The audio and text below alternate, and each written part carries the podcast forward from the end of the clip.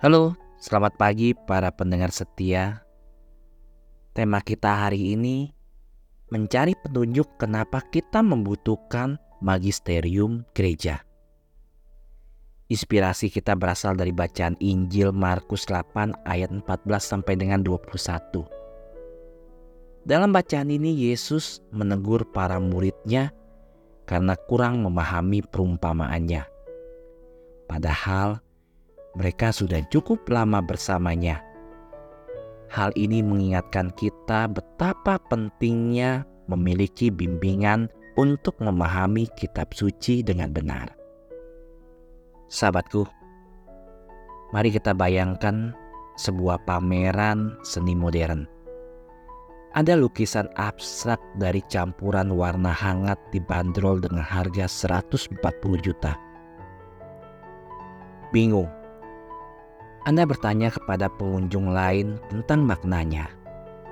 Jawabnya bermacam-macam.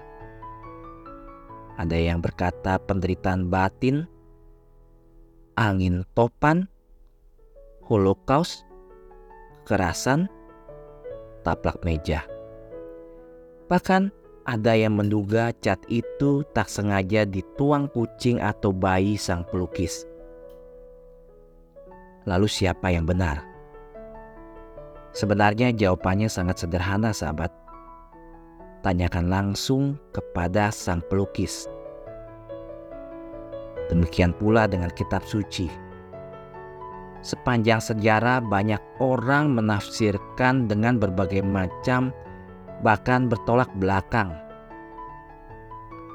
Inilah mengapa Tuhan Yesus mengutus Roh Kudus Sang penghibur akan menjelaskan segalanya kepada kita.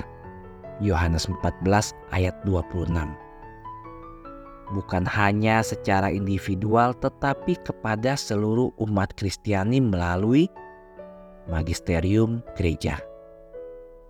Setiap penafsiran kitab suci secara individual perlu dibandingkan dan disejajarkan dengan permenungan para kudus selama 2000 tahun yang dihimpun dalam magisterium.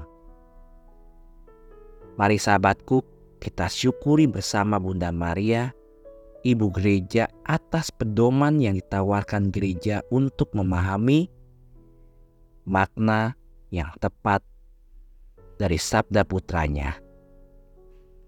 Bunda Maria harapan kita dan tata kebijaksanaan, doakanlah kami.